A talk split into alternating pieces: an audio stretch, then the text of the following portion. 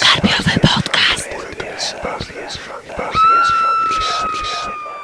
Witam Was bardzo serdecznie w kolejnym odcinku Karpiowego Podcastu. Ja nazywam się Hubert Spandowski. Możecie mnie kojarzyć jako Mando z serwisu stephenking.pl, podcastu Radio SK oraz konglomeratu podcastowego. A dzisiaj opowiem troszeczkę o drugim tomie cyklu Briana Lamleya pod tytułem Nekroskop, o drugim tomie pod tytułem Wampiry.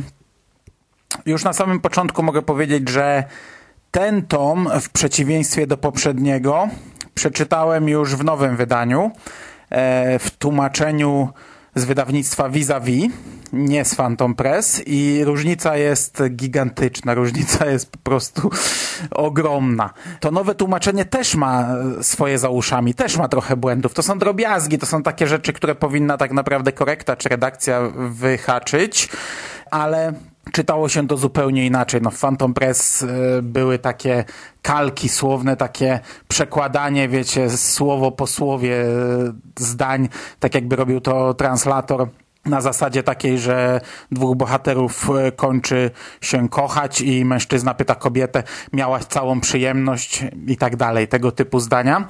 E, no nie ma to jak, nie ma to jak krzyczeć Phantom Press wróć, cudowne lata, cudowne lata to były wspaniały okres dla literatury grozy i dla polskich fanów tegoż gatunku.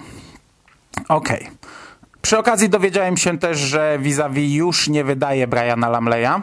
Oni wznowili w 2016 roku część tomów i te część tomów w tym momencie w sklepach jest dostępne w dwóch wydaniach. W starym z pierwszej dekady tego wieku i w nowym właśnie z 2016. One wyglądają identycznie, różnią się tam e, odrobinę ceną, ale aktualnie wydawca wyprzedaje resztki. Na stronie wydawnictwa część książek tego autora e, ma już skończony nakład, część to są ostatnie albo nawet ostatni egzemplarz. Czyli wychodzi na to, że jeśli Lamley napisze ewentualny dziewiętnasty tom, no to możemy się go nie doczekać w Polsce i najprawdopodobniej się go nie doczekamy. Nie wiem na ile będziemy stratni, no bo nie wiem jak z jakością tego cyklu będzie dalej, ale w sumie trochę szkoda. E, mam nadzieję, nie wiem na ile to jest możliwe, że może doczekamy się dla odmiany takiego prawdziwego hołdu dla tego okresu, dla lat 90., dla wydawnictwa Phantom Press od na przykład właśnie Phantom Books i dla odmiany dostaniemy taką książkę, która będzie faktycznym hołdem dla tamtego okresu. Oczywiście, tak jak powiedziałem, po pierwsze nie mam pojęcia o jakiej kasie tutaj mówimy w przypadku takiej książki i takiego autora. Po drugie nie mam pojęcia, czy to jest w ogóle możliwe, by kupić prawa tylko do 19 tomu. Czy na przykład trzeba by kupić prawa do całego cyklu, albo ogólnie do pisarza i tak dalej, i tak dalej. No, chociaż bywały już takie przypadki, nawet całkiem niedawno, chociażby Gmork e, wydał drugi tom serii rozpoczętej wcześniej przez Papierowy Księżyc. No ale to jeszcze wiele wody upłynie w rzece, zanim to stanie się jakimś tam problemem. Ok, a konkretnie o drugim tomie. Konkretnie o nekroskop wampiry. Po pierwsze, moim zdaniem jest jeszcze lepiej. Po drugie, jest bardziej horrorowo.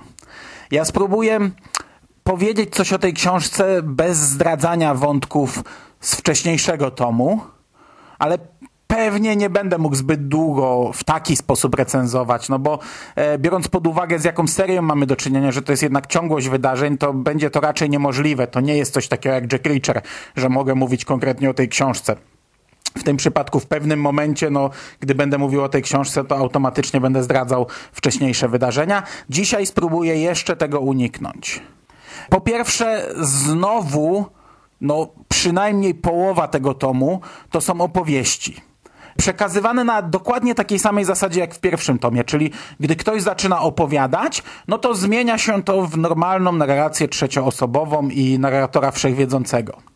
Minus tego, to znaczy drobny minus tego jest taki, że gdy opowiada nam to Harry, to wiemy z góry, że bohaterowie tej opowieści nie przeżyją jej. Na tym etapie, na jakim teraz jest Harry, no to on może kontaktować się w zasadzie niemal tylko ze zmarłymi, a skoro opowiada nam tak szczegółowo, wchodząc w głowy kolejnych postaci, e, no to prosty wniosek, w tej chwili ci ludzie już nie żyją. Skoro Harry wie o ich myślach i wie o dokładnie wszystko to, co wydarzyło się w tych opowieściach, które teraz nam przytacza. Druga rzecz jest taka, że gdy zastanowimy się chwilę nad pełnym obrazem tego, co, co tutaj się w tym momencie dzieje, tego, co się rozgrywa, no to to jest trochę zabawne, no bo Harry musi najpierw porozmawiać ze zmarłym, ten opowiada mu przez kilka godzin historię, Harry jako zjawa ujawnia się wybranej osobie z brytyjskiego wydziału ESP, Dlaczego tylko jemu to nie jest wyjaśnione? Trzeba to brać na chwilę obecną na wiarę, e, że tak po prostu jest. No, może wymaga to mniejszej siły niż pokazywanie się wszystkim. Przekazuje tę samą historię, ale ta osoba nie może jej nagrywać, bo tylko ona ją słyszy. Wszyscy, którzy siedzą w tym momencie w biurze przez kilka godzin, patrzą na tę osobę, która słucha tej opowieści, którą my czytamy jako zwykło, jak zwykłe opowiadanie w tym czasie. No i taka osoba może ją tylko notować e, ręcznie, a potem przekazywać reszcie jeszcze raz, trzeci raz tę historię. No głuchy telefon po prostu się z tego robi. A biorąc pod uwagę, że naszych bohaterów cały czas goni czas, tutaj mamy jednak ten czas mocno ograniczony i cały czas jesteśmy gdzieś na granicy, na styku, e, no to robi się to dość zabawne.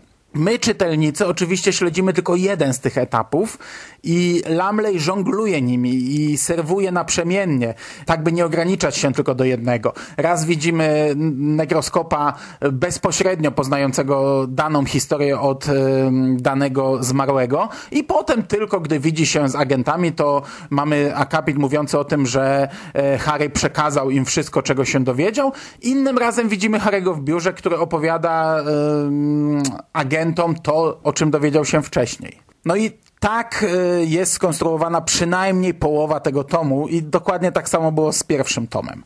E, kolejna rzecz to tematyka wampirów.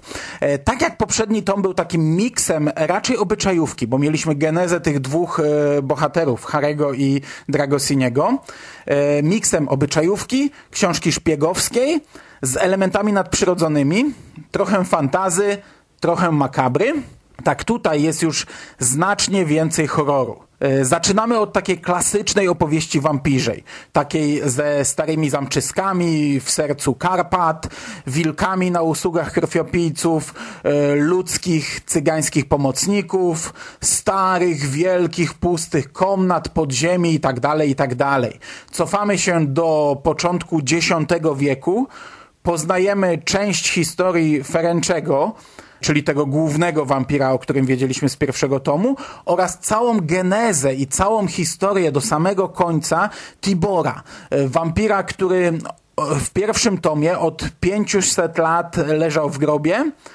i wtedy też opętał Dragosiniego. O ile ja dobrze pamiętam, no to około 40%, pierwsze 40% tego tomu to jest właśnie ta opowieść nieprzeplatana z niczym innym, śledzimy właśnie taką wampirzą historię w Karpatach, w Zamczysku, taką wiecie, w stylu Drakuli. Chociaż ona nie jest dokończona tam, no bo w pewnym momencie się urywa i potem już do końca ona przeplata się z innymi wątkami. Poznajemy bardzo dużo faktów na temat wampirów.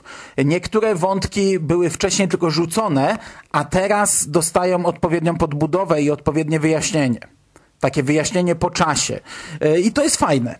Na przykład, e, nie wiem, moment, w którym Tibor zarażał wampiryzmem e, Dragosiniego w pierwszym tomie, gdy wstrzyknął mu to jajo wampirze, no to my mieliśmy to tylko tak rzucone nie wiedzieliśmy tak naprawdę, co się dzieje. Przyjmowaliśmy to po prostu na wiarę, że tak jest, y, że coś tam wysunęło się z grobu, coś kapnęło na szyję Dragosiniego i to zapoczątkowało przemianę. Wszystko. Jak do tego doszło, co to było, co tam wysuwało się z grobu, co na niego kapnęło, tego nie wiedzieliśmy. Teraz już wiemy, jak to działa i co to dokładnie było, bo to wszystko dostaliśmy tutaj rozpisane. Bardzo dużo faktów na temat wampirów dostajemy właśnie w tym tomie. Nadal niektóre rozwiązania są dla mnie nie do końca jasne. Y, to, to nie, w, nie w przypadku wampirów. Przykładowo żona Harego i jej historia w połączeniu z przepowiednią z pierwszego tomu, no dla mnie to jest trochę niezrozumiała, jakby to był błąd, chyba że ja gdzieś przysnąłem i nie zarejestrowałem jakiegoś jednego faktu.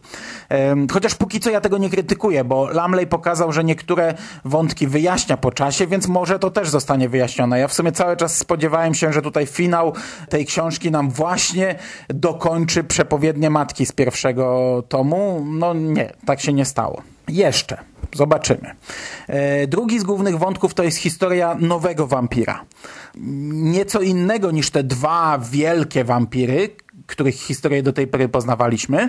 E, Lamley w poprzednim tomie w pewnym sensie zamknął nam cały ten wampirzy wątek, który zaczął rozpisywać. E, oczywiście mógł teraz wprowadzić nowe postaci, zupełnie bez związku z poprzednimi, no to nie jest żaden problem, ale zdecydował się na inne rozwiązanie, moim zdaniem trochę lepsze, chociaż to jest taka trochę furtka z kapelusza wyciągnięta, ale przynajmniej jest to wątek, który wiąże się z tym, który już mieliśmy zarysowany yy, i, wiąże się spójnie, to ma ręce i nogi, także tutaj nie ma się czego czepiać. Dostajemy nowy wątek, nowego wampira, ale yy, bardzo mocno związanego z Tiborem. I w zasadzie ten tom też zamyka prawie wszystkie wątki wampirze, więc pewnie w kolejnym będziemy szukać nowych rozwiązań i będziemy doczepiać to jakoś do znanych już nam historii. I to jest bardzo fajna historia tego nowego wampira. To już dzieje się współcześnie, to znaczy współcześnie z punktu widzenia bohaterów, czyli lata 70. czy 80., już nie pamiętam. I to jest takie odkrywanie jego, takie błądzenie. To jest młody chłopak, który dopiero odkrywa, kim jest i odkrywa to w sposób brutalny. No, testuje, w jaki sposób może zabijać inne wampiry. Najpierw je tworzyć, a potem zabijać, w jaki sposób może podporządkowywać sobie ludzi i tak dalej, i tak dalej. Tutaj naprawdę mamy dużo fajnych motywów, dużo brutalnych motywów i to jest duży plus tej książki. Poza tym oczywiście mamy wątek szpiegowski. E, ta książka to jest nadal akcyjniak w dużej części, tak jak i pierwszy tom i to jest super część tego cyklu. To jest naprawdę coś, co mi się bardzo podoba. Brytyjski Wydział ESP i rosyjski Wydział E. Agenci, esperzy z nadprzyrodzonymi zdolnościami, ich walka z wampirami, łączenie sił, łączenie sojusze pomiędzy, wiecie, Rosją a Wielką Brytanią, jakieś takie nieoficjalne sojusze, ale również walki między sobą, ścierania się między tymi agentami, przedstawicielami dwóch różnych krajów, knowania, zdrady, walki o stołek i tak dalej, i tak dalej. W tym tomie poznajemy bardzo dużo nowych bohaterów, po czystce z nekroskopa, po czystce, którą, której dokonał Harry wraz z Turkami, część z tych bohaterów jest naprawdę fajna. I bardzo mi się podoba, że Lamley pokazał w tym tomie też dobrą stronę Rosjan. Że to nie jest już ten przeciwnik, ten, to nie są ci źli. Jesteśmy w stanie naprawdę bez problemu polubić rosyjskich agentów, niektórych rosyjskich agentów i im bardzo kibicować. I to dobrze wróży na przyszłość, bo ja mam nadzieję, że to będzie też szło w tym kierunku, a biorąc pod uwagę, że jeden z cykli negroskopu późniejszego, trzy książki e, dotyczą Wydziału E, rosyjskiego Wydziału E, no to chyba warto, żebyśmy też polubili tych bohaterów, e, przynajmniej, no, żeby nie kojarzyli nam się negatywnie.